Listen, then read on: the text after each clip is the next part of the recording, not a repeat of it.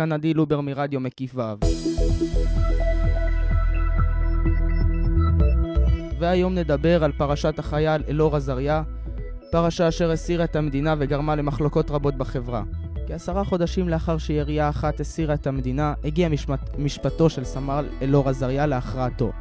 בהקראת הכרעת הדין, שנמשכה יותר משעתיים וחצי, דחה בית הדין הצבאי בקריה את כל טענות ההגנה ואת גרסתו של החייל היורה והרשיע אותו פה אחד בהריגה. בתום הכרעת הדין, בית הדין הצבאי בקריה הרשיע ביום רביעי את סמל אלאור עזריה בהריגת המחבל במהלך הפיגוע בחברון שנעשה בחודש מרץ 2016. הוא הורשע גם בעבירת התנהגות שאינה הולמת. גזר הדין יינתן בעוד כחודש, ופרקליטו של עזריה הודיע כי הם אכן יערערו על ההחלטה. השופטים אותתו זה אחר זה את קווי ההגנה של החייל וקבעו פה אחד שלא היה כלל שום הצדקה לירי. אז עזריה ירה למוות במחבל מנוטרל ובחברון לפני כעשרה חודשים. את המעשה תהיה תושב העיר, והסרטון עורר שאלות רבות בנוגע להתנהלות של צה"ל והמפקדים בשטח. הסרטון חולל סערה שמטלטלת את הצבא, את הציבור הישראלי ואת המערכת הפוליטית. מחוץ לבית הדין חיכו מאות בני אדם שהגיעו למקום כדי להפגין ולהביע את תמיכתם בחייל. התובע נדב וייסמן אמר בסוף הדיון הטעון כי ייתכן שהתביעה תדרוש את מאסרו בפועל של עזריה.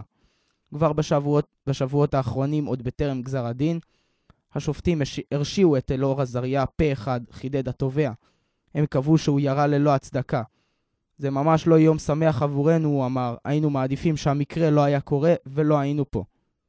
מדובר בהכרעת דין קשה שדחתה את כל טענות ההגנה, אמר עורך, הדין כץ, המייצג את החייל עזריה. אנו נאלץ ללמוד את הכרעת הדין, אנו, אנו מכבדים את בית הדין הצבאי ואת הביקורת שיש לנו נשמיע במקומות הנכונים, הוסיף עורך דינו של אלאור עזריה. ואיתנו על הקו אוריאל ברוש, תלמיד במקיף ו' וחבר לכיתתי. אוריאל, מה שלומך? בסדר, עדי, מה שלומך? אה, רציתי לשאול אותך, מה דעתך על פרשת החייל אלאור עזריה?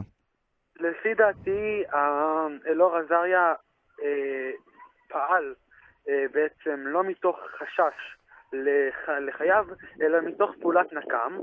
למרות זאת, לפי דעתי, לא מגיע לו עונש, אה, חמור לפחות אה, כמו כלא, אה, בעקבות מה שהוא עשה, כי הבן אדם הזה, שבעצם המחבל לפי דעתי, לאיש כזה מגיע למות, לא משנה מה, אבל אה, הוא בכל זאת הפר כללים, אבל... שלא יהיו נוקשים איתו. כן, אבל, אבל, אם היה, אבל אם היה למחבל מטען חבלה, והחייל, היה... והחייל היה יורה בו, אלאור עזריה היה גיבור ישראל היום. גיבור ישראל, כן, כי קרו מקרים כאלה בעבר, שחשבו שמחבל הוא מנוטרל, וחשבו שבעצם הוא לא מהווה שום סכנה, ירו בו, ואז התגלה עליו שהיה עליו מטען חבלה. כן, קרו מקרים כאלה בעבר. אמ, תשמע, אני פחות מסכים עם מה שאתה אומר, אבל... האם אתה, האם אתה חושב שמגיע לילד כזה בן 20, כזה עונש וכזה, כזאת פרשה, ש... ילד שגדול מאיתנו בעצם בארבע שנים, ואתה יודע. בהחלט לא, אני לא חושב שמגיע לו עונש בכלל האמת. אני אישית לא הייתי מעניש אותו, אולי רק נזיפה, אבל לא, לא משהו גדול. אה, גם אם, במידה ולא היו שם מצלמות, אז המקרה היה הרבה יותר... אוריאל? וזה לא היה הופך להיות אה, דיון אה, אזרחי, לא רק צבאי. אני חושב שלאור עזריה מגיע לו אה, פטור מכל עונש, אה, כי המעשה שהוא עשה היה המעשה הנכון לעשות, אבל אה, לפי דעתי זה שהוא מנסה להגן על עצמו בכך שהוא אומר שבעצם הוא חשש ממטען, זה כבר לפי דעתי היה שקר, אבל אה, בכל זאת, גם אם בן אדם עשה טעות, ונקרא לזה טעות על פי הכללים של הצבא, אז לא מגיע לו כזה עונש. אוקיי, אה, תודה רבה אוריאל. יום טוב. יום טוב גם לך. ביי. טוב חברים, הגענו לסיומה של התוכנית. אני רוצה להודות לטכנאי שלנו ירמי רייך, למרואיין אוריאל ברוש אשר חווה את דעתו על הפרשה, וכמובן לכם המאזינים שהייתם איתנו. נשתמע בעוד שבועיים בדיוק. עד אז, שמרו על עצמכם.